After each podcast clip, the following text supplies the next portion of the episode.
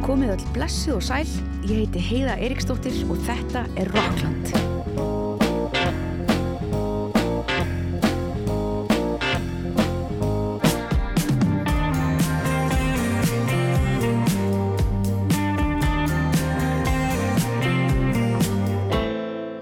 Verið velkomin í síðara hluta umfjöllununar minnar um plötur sem eiga 50 ára ammali ár.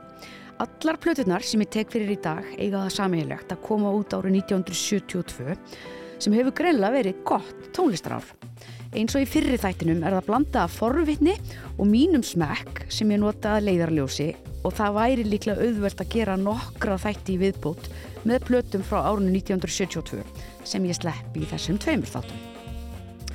Í síðasta þætti byrjuðum við í Kanada og fundum okkur svo leið þaðan til Breitlands í gegnum Ameríku. En í dag skulum við byrja í Breitlandi og fara svo þaðan á flakk.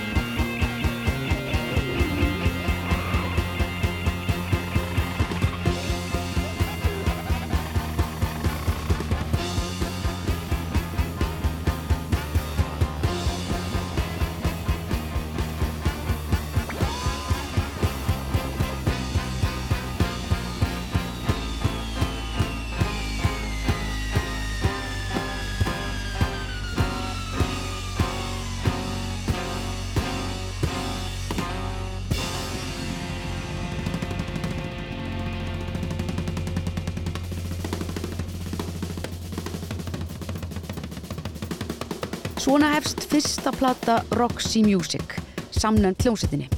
En hún kom út 16. júni árið 1972. Lægið sem við heyrðum heitir Remake Remodel og er ævintýraleg blanda af heiðarlegu rocki og róli og undarlegum hljóðum og furðulegum sólóum. Eitthvað sem var augrandi og skrítið á þessum tíma og er það næstu því ennþá í dag.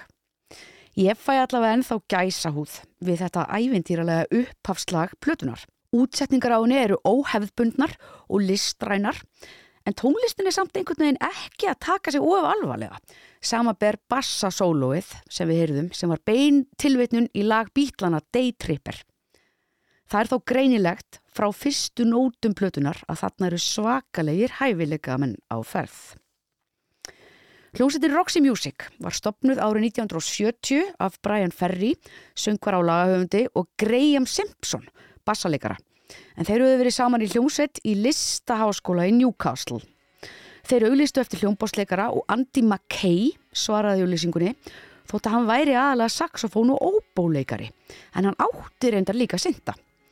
McKay þekkti svo Brian Eno og fekk hann til að ganga í bandið. Eftir smá hræringar með mannskap á árunum 70 til 71 endar Roxy Music sem sextett, skipaður söngvaranum Brian Ferry, Andy McKay á saxofón og óbó, Brian Eno á synda og hljóð til raunir, Graham Simpson á bassa, Paul Thompson á trommur og Phil Manzanera á gítar. Sá síðastnefndi hafði verið ráðið sem rótari í bandið vegna þess hver klár hann var þegar hann var einn af 20 sem pröfaðir voru fyrir lausat stöðu gítarleikarans. Sá sem upprunalega var ráðin gítarleikari í Roxy Music var David O'List en hann hafði verið í hljómsveit með Keith Emerson sem uh, hétt The Nice. Þegar David O'List hætti með litlum fyrirvara var Manzanera bóðin staða gítarleikara í hljómsveitinni og öllum á óvörum hafði hann laumast til að læra öll lög sveitarinnar og því gengur gítarleikaraskiptin ansi smurt fyrir sig. Ekki var svo verra að Manzanera átti marga góða vini innan tónlistageirans eins og til dæmis David Gilmour úr Pink Floyd en hann var vinur stóra bróður Manzanera. Þegar Roxy Music hætti gerðist Manzanera gítarleikari á tónleikum í hljómsveit David Gilmour.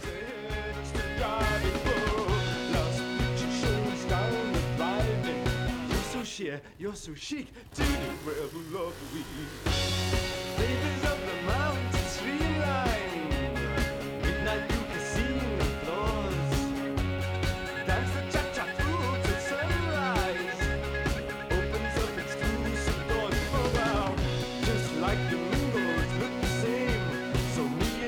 Just we two, got to search for something new.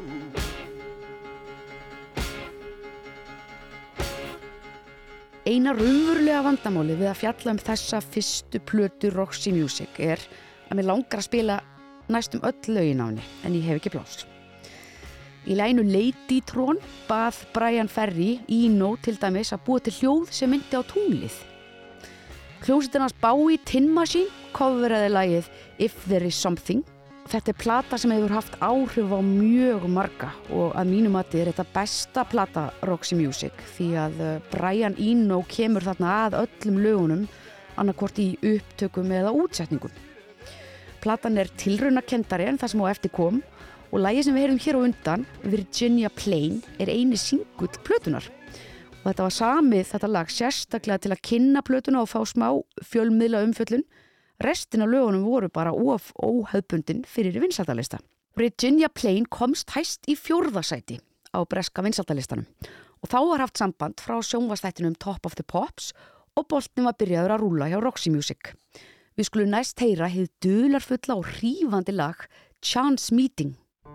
I never thought I'd see you again.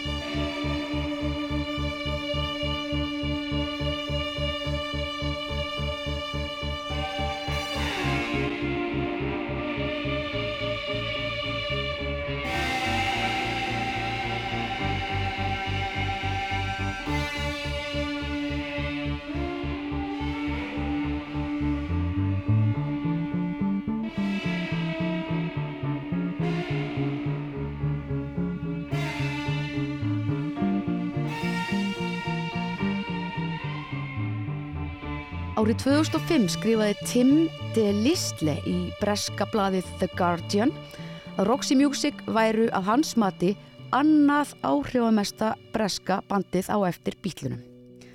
Hann kemst vel að orði þegar hann segir Í tónlistarlegu landslægi með Led Zeppelin á öðrum endanum og hljómsveitina Osmonds á hinum tókst Roxy Music að komast á topp 10 með blöndu sína af framúrstefnu, gamaldags rocki og róli, húmor, undarlegum hljóðum, asnalegum búningum, listrænum aðferðum, tilvitnunum í kvikmyndir og óbósólóum. Og jafnvel þó vinsældir þeirra rísi og falli til skiptis hafa áhrif þeirra og tónlistarheimin haldist mjög stöðug. Við skiljum við þessa frábæru 50 ára gömlu plötu með lægi með óbósólói. Þetta er lægið Sea Breezes.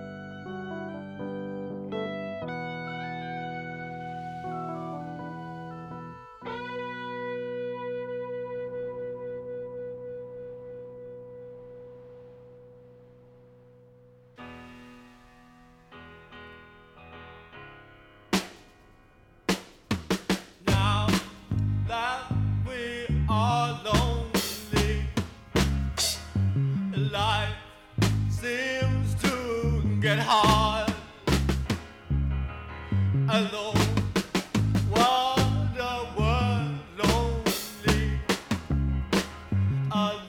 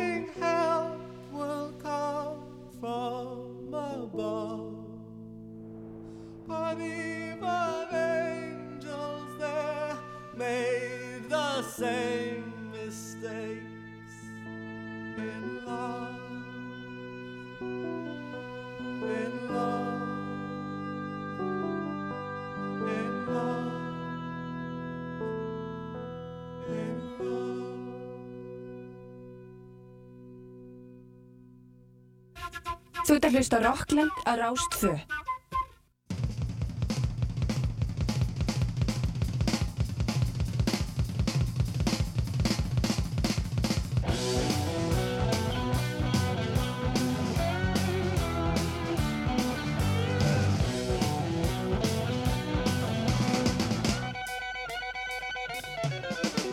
Somebody shouting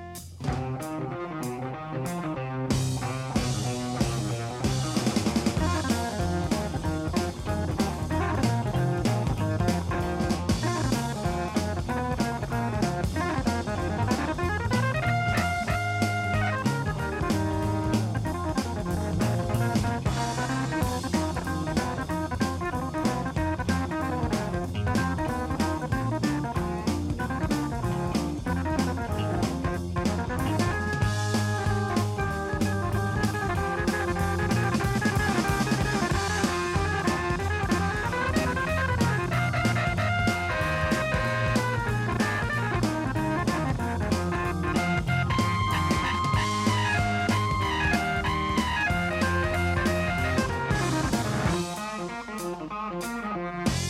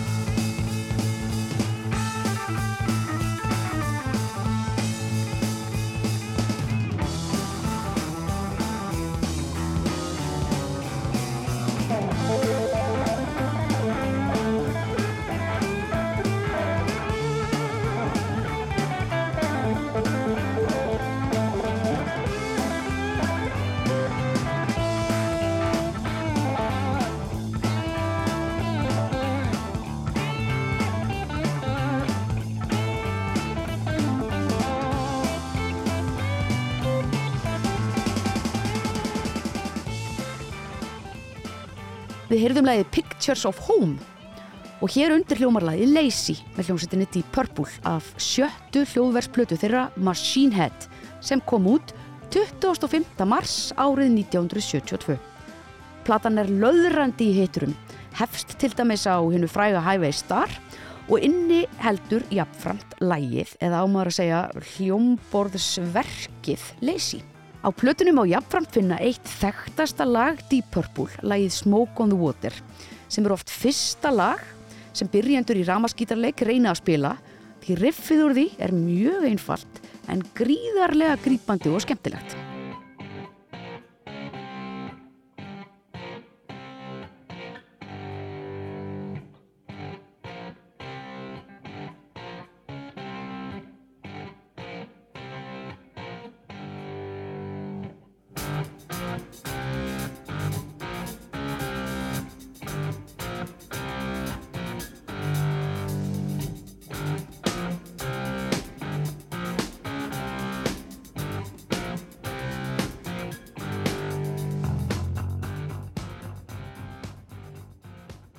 Deep Purple var stopnuð í London árið 1968. Hljómsveitin byrjaði sem psychedelist rockband en breytti um stefnu árið 1970 þegar plata þeirra In Rock kom út. Og það var jáfnfram fyrsta platan þar sem Richie Blackmore gítarleikari fekk að fara alla leiði að spila þungt rock sem var það sem að hann vildi helst gera. Á In Rock var hljómur Deep Purple endanlega neldur niður og mannskapurinn líka. Ian Gillan söng, Richie Blackmore leik á gítar, Roger Glover á bassa, John Lord leik á hljómborð og Ian Pace á trommur. Við skiljum við Machine Head og heyrum að lokum hið hressilega lag Space Truckin sem var vist nota reglulega til að vekja geimfara í geimstöðunni NASA.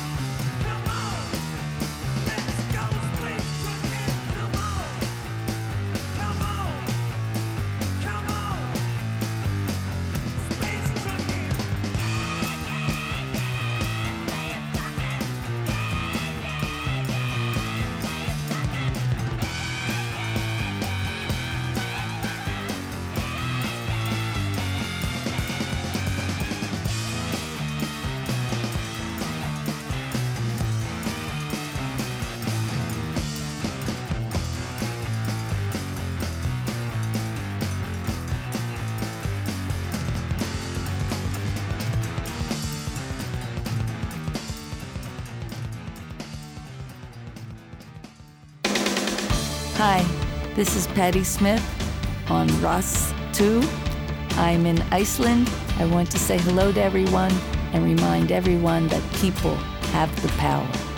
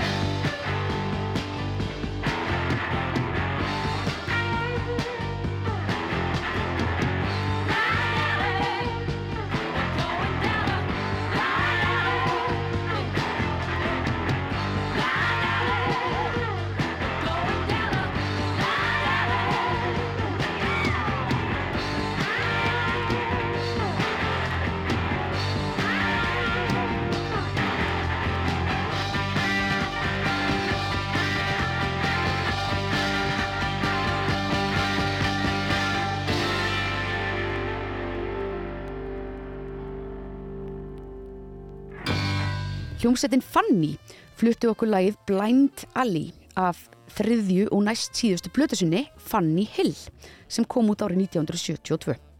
Þar með erum við komin til Ameríku þótt Fanny hafi ymsar tengingar við Bretlandsegjar. Uppruna sveitarinnar má rekja til ársins 1961 þegar sisturnar June og Jean Millington fluttu með fjölskyldu sinni frá Phillipseyjum til Sacramento í Kaliforníu. Þær byrjuðu að spila á ukulele til að eiga auðveldra með að eignast nýja vini og í mentaskóla stopnuðu þær svo fyrstu hljómsveitana sína. Það sem June spilaði á gítar, Jean á bassa, Addi Lee á gítar og Brie Brandt á trommur. Þær spiluðu rock og voru eina fyrstu rocksveitunum þar sem engungu konur leku á hljóðfærin. Hljómsveitina skýrðu þær svelts en hljómsveitin hætti þegar Brandt trommuleikari gifti sig og hætti í hljómsveitastúsi. Úr varð ný hljómsveit, Wild Honey, sem engungu spiluðu ábreyður af Motown-lögum og þar fundu þær rock stöllur fyrir því að þær væri að stíga inn í þáverandi heim karlmanna. Rock hljómsveitir áttu en þá á þessum tíma inni alltaf karla, konurnar gáttu gert eitthvað annað í tónlist. Wild Honey náði þá hann leika á nokkrum tónleikum en voru búin að ákveða að hætta samstarfinu eftir eitt lokagigg sem búið var að ákveða að væri á Troubadour klubnum í Los Angeles árið 1969. Þar var hins vegar upptökustjórin Richard Perry stattur og hann var einmitt að leita stelpum í rockbandi því að hann langaði að vinna að slíku verkefni. Perry seldi Reprise plötuútgáfunu hugmyndinu um að gefa út hvenna rockbandið Wild Honey en svo var ákveðið að breyta nafninu í Fanny. Við skulum heyra lagið Borrowed Time af plötunni Fanny Hill.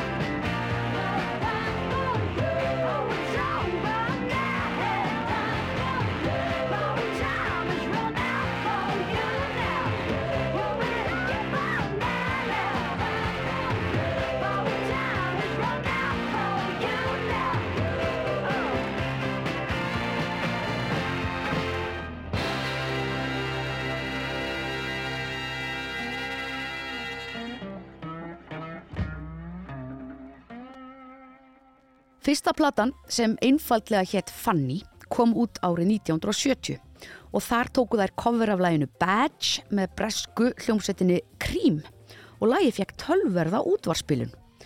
Árið síðar kom svo út platan Charity Ball og stelpunar unnu jafnframt fyrir sér sem stúdjóspilarar með hinum og þessum tónlistamönnum eins og til dæmis Joe Cocker og Barbara Streisand. Hróður þeirra fór að berast víðar og þeim barst jafnvel aðdáðandabref frá David Bowie sem bauð þeim í party eftir eina tónleikana sína. Boltinn var svo sannarlega byrjaður að rúla hjá Fanny. Stelpurnar spiluðu um allan heim, hituðu meðal annars upp fyrir Jethro Tull, Slate og Humble Pie og urðu svo geysi vinsalar í Bretlandi. Á þriðju plötunni var Geoff Emerick fenginn í upptökurnar en hann hafði tekið upp efni við bítlana og upptökurnar fóru svo fram í Apple hljóðveri bítlana. Það er líklega þess vegna sem bítlalægið Hey Bulldog endaði á plötunni Fanny Hill. Í tímaritinu Rolling Stone byrtist glimrandi dómur þar sem farið er fögrum orðum um Fanny Hill og hljómur og hljóðfaraleikur hljómsveitarinnar er mærður. Sérstaklega er talað um gítarleik June Millington sem þótti afbröðskóður, rithma og sólogítarleikari. Við skulum að lokum heyra hérna frábæru útgáfu Fanny af bítlalæginu Hey Bulldog.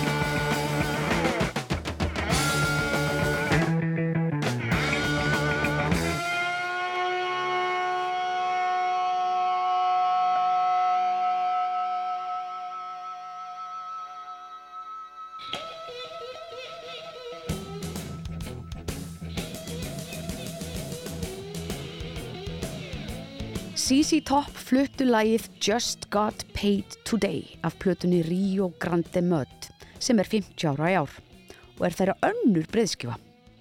Það er kannski engin önnur hljómsett í heiminum sem er langþægtust fyrir skeggvöxt sinn en það er líka engin önnur hljómsett í heiminum sem er alveg eins og sís í topp. Í grunninn hljómar þetta ekki flókið, bara eitthvað bluesrock en ef betur er rýmt í ljóminn og tónana er sveitin alveg einstök. Sisi Top er tríó og voru lengst af Billy Gibbons sem söng og leik á gítar, Frank Beard á trommur og Dusty Hill í bakgrötum og á bassa, já, eða þar til í fyrra, þegar Dusty Hill lést 72 ára gammal. Hljómsveitin hafði þá starfað skipuð þessum þremur einstaklingum í 51 ár og á núverandi met í að halda úti hljómsveit með upprunalegum meðlumum. CC Top var stopnuð í Houston í Texas og það er gítarleikarin Billy Gibbons sem á nafnið. Hann hjælt mikið upp á gamla blúsara eins og B.B. King og ætlaði upphaflega að skýra hljómsveitina CC King en það var of líkt.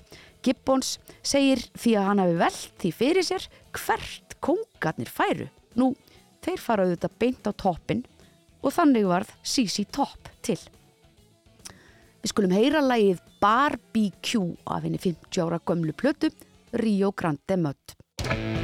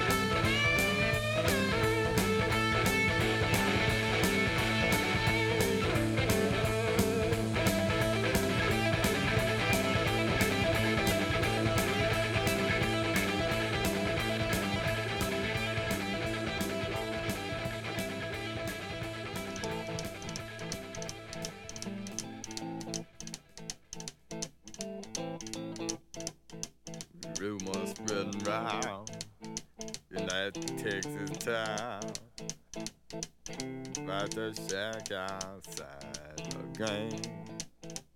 You know what I'm talking about. Just let me know if you wanna go to that home out on the range. They got a lot of nice girls. Huh?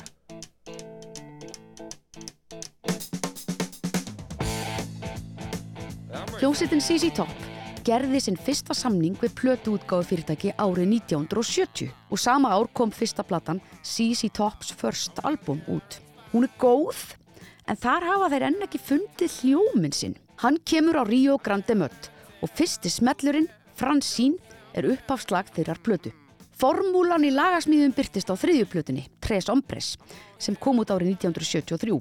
En hún inniheld lög eins og Jesus Just Left Chicago og La Grange, sem ekkert levandi mannsbarni blues og rock hljómsveit hefur ekki spreytt sig á og það heyrist hér undir. Hljómsveitin Sissi Top hjælt uppteknum hætti og dældi út tæru og skítugu söðuríkja blúsinu sínu á áttunda áratugnum. Þá var eins og þeir áttuðu sig á því að eitthvað þyrti að breytast til að þeir heldu vinsældum og þá breyttu þeir bara því sem breyta þurfti og endur nýjuðu svo aðdóðandahópin með myndböndum á sjónvastuðinu MTV, kvikmyndinni Blues Brothers og lögum eins og Gimme All Your Loving og Legs sem finna maður á plötunni Eliminator frá árun 1983.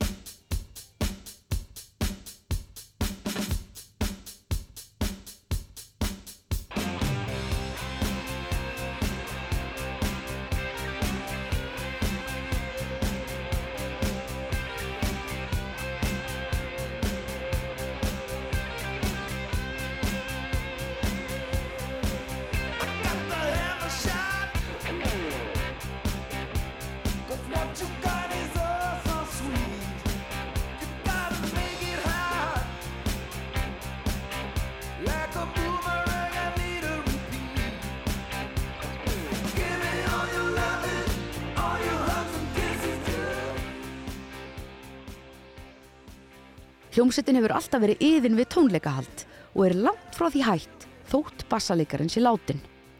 Hann skipaði gítartækni mannsveitarinnar sem hefur unnið með þeim í hartnær 30 ár sem eftirmann sinn á bassa og Elwood Francis er því hættur að vera gítartæknimaður og orðin bassaleikari í CC Top. Það fyrsta sem hann gerði var að láta sér vaksa almennlegt skegg. Hljómsettin hefur gefið út 15 hljóðversplötur og svo 16. er væntanlega á þessu ári og Dusty Hill náði að taka upp bassa á hana áður en hann lest. Heyrum á lokum upphafslag Rio Grande Mött og fyrstu smáskifu CC Top Fransín.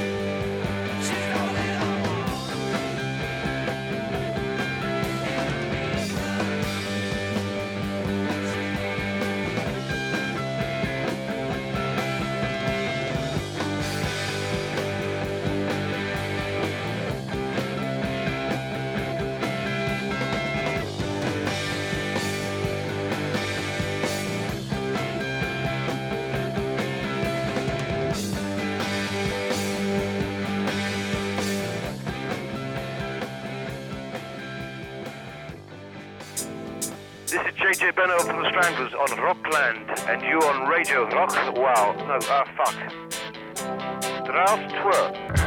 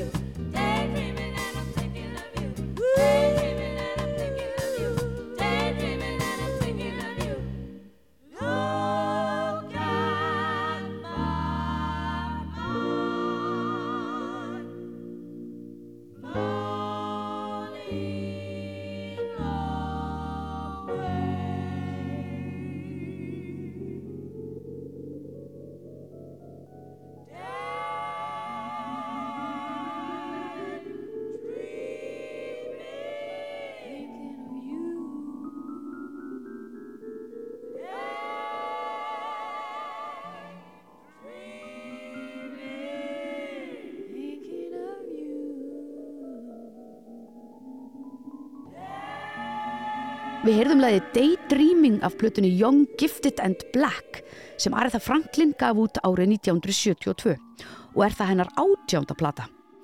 Platan er tólflaga, fjögur eftir Arethu og átta tökulög sem hún undan tekningalust breytir og gerir að sínum. Aretha Franklin vann Grammy-verlun árið 1972 fyrir besta kvennsöng í flokki R&B tónlistar og platan Young Gifted and Black lemdi í öðru sæti á R&B-lista Billboard og í því ellefta á almenna poplistanum. Við skulum heyra annað laga plötunni sem aðræð það samti. Hér er það hefði skemmtilega grúvílag rock steady.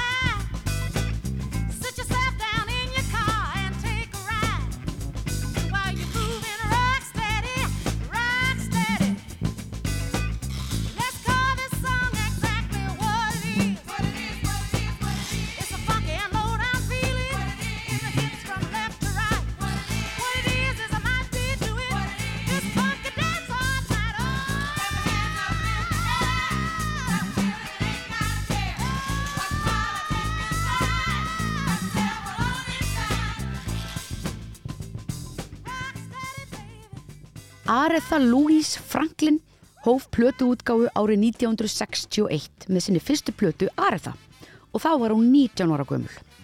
Hún hafði verið að syngja í gospelkór þar sem pappennar var prestur og hún fekk fyrsta plötusamningin við Columbia þegar hún var 18 ára. Ferillennar komst þó ekki á flug fyrir árið 1966 þegar hún undirritaði samning við Atlantic plöturísan.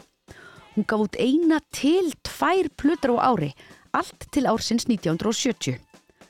Árið 1971 kom engin plata og því er Young, Gifted and Black fyrsta plata hennar eftir langþráð ársfrí. Það er ekki að ástæði lausu sem Aretha Franklin hefur verið kölluð drottning sól tónlistarinnar. Hún hefur selt yfir 75 miljónir platna um heimallan og komið 73 lögum á Billboard Hot 100 vinsaldalistan en það er með sem hún átti allt til ársins 2017 þegar Nicki Minaj tók fram úr henni. Platan Young, Gifted and Black er gerðnan talið ein af hennar bestu og þótt frumsumdu lögin síu æðisleg eru túlkanir hennar á lögum annara á plötunni með því besta sem komið hefur út með henni. Platan dregur manninn og endar í einhverju síspilun því maður fær einfaldlega ekki nóg af tilfinningunni í rödd aðrættu.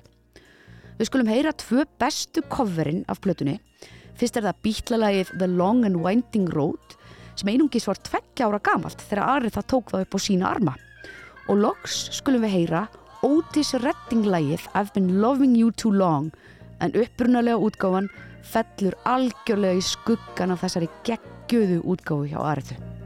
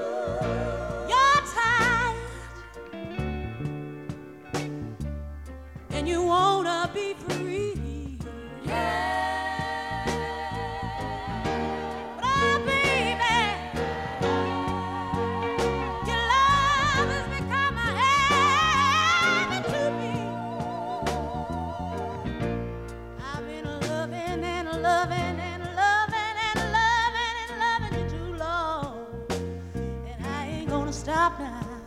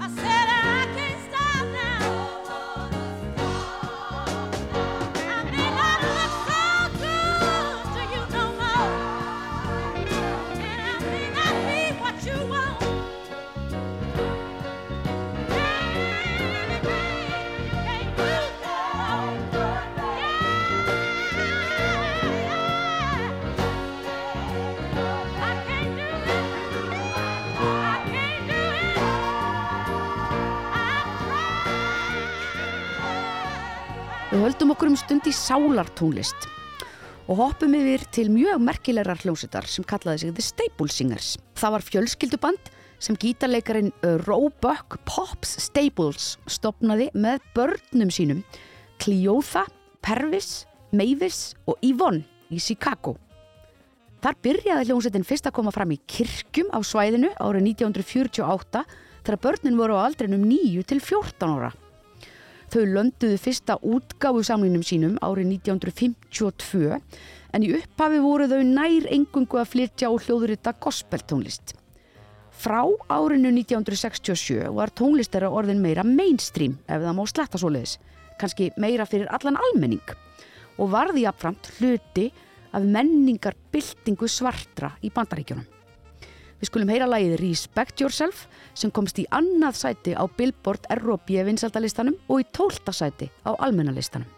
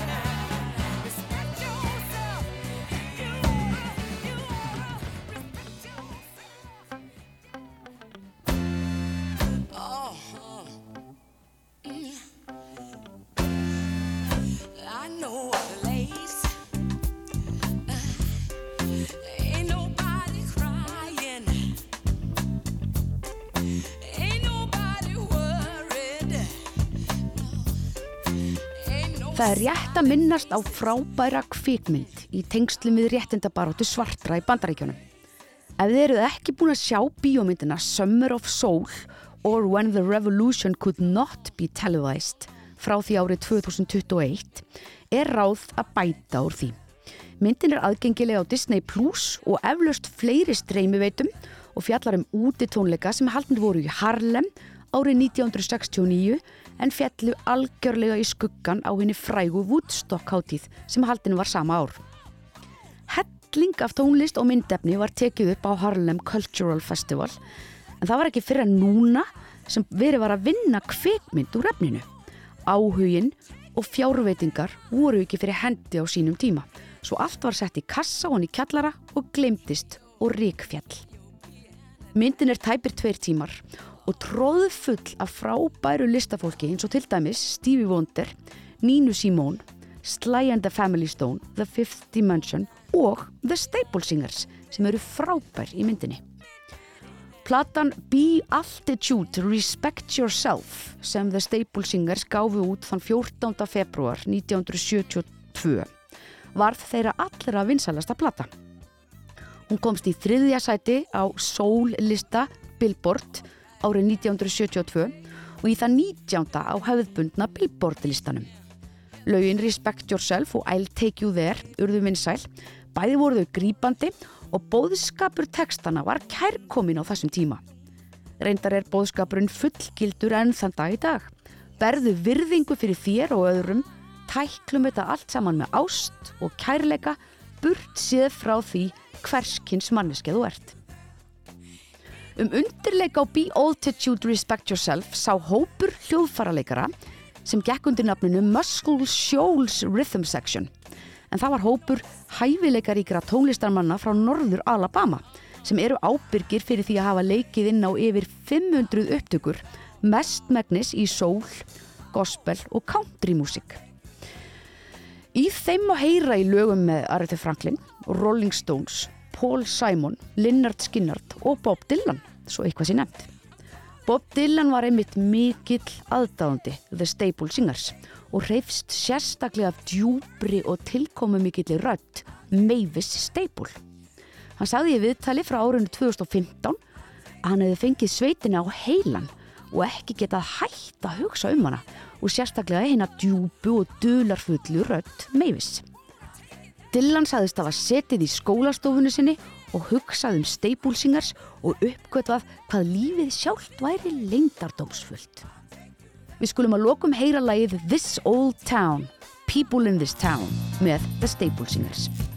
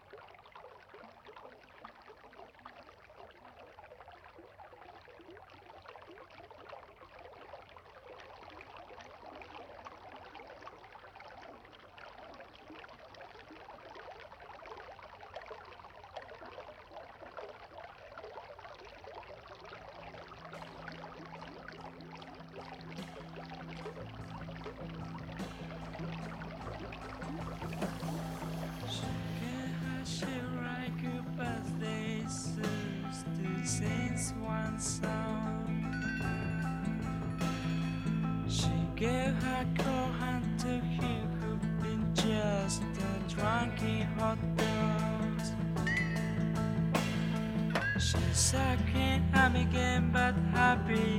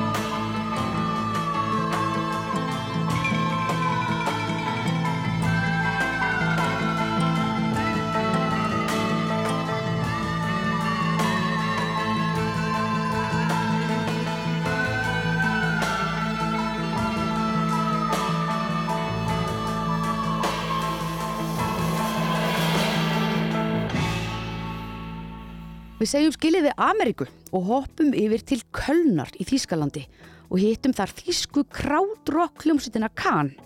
En plata hennar, Ege Bamjassi, kom út árið 1972 og er því loka ammælisbarn þáttarins Rockland.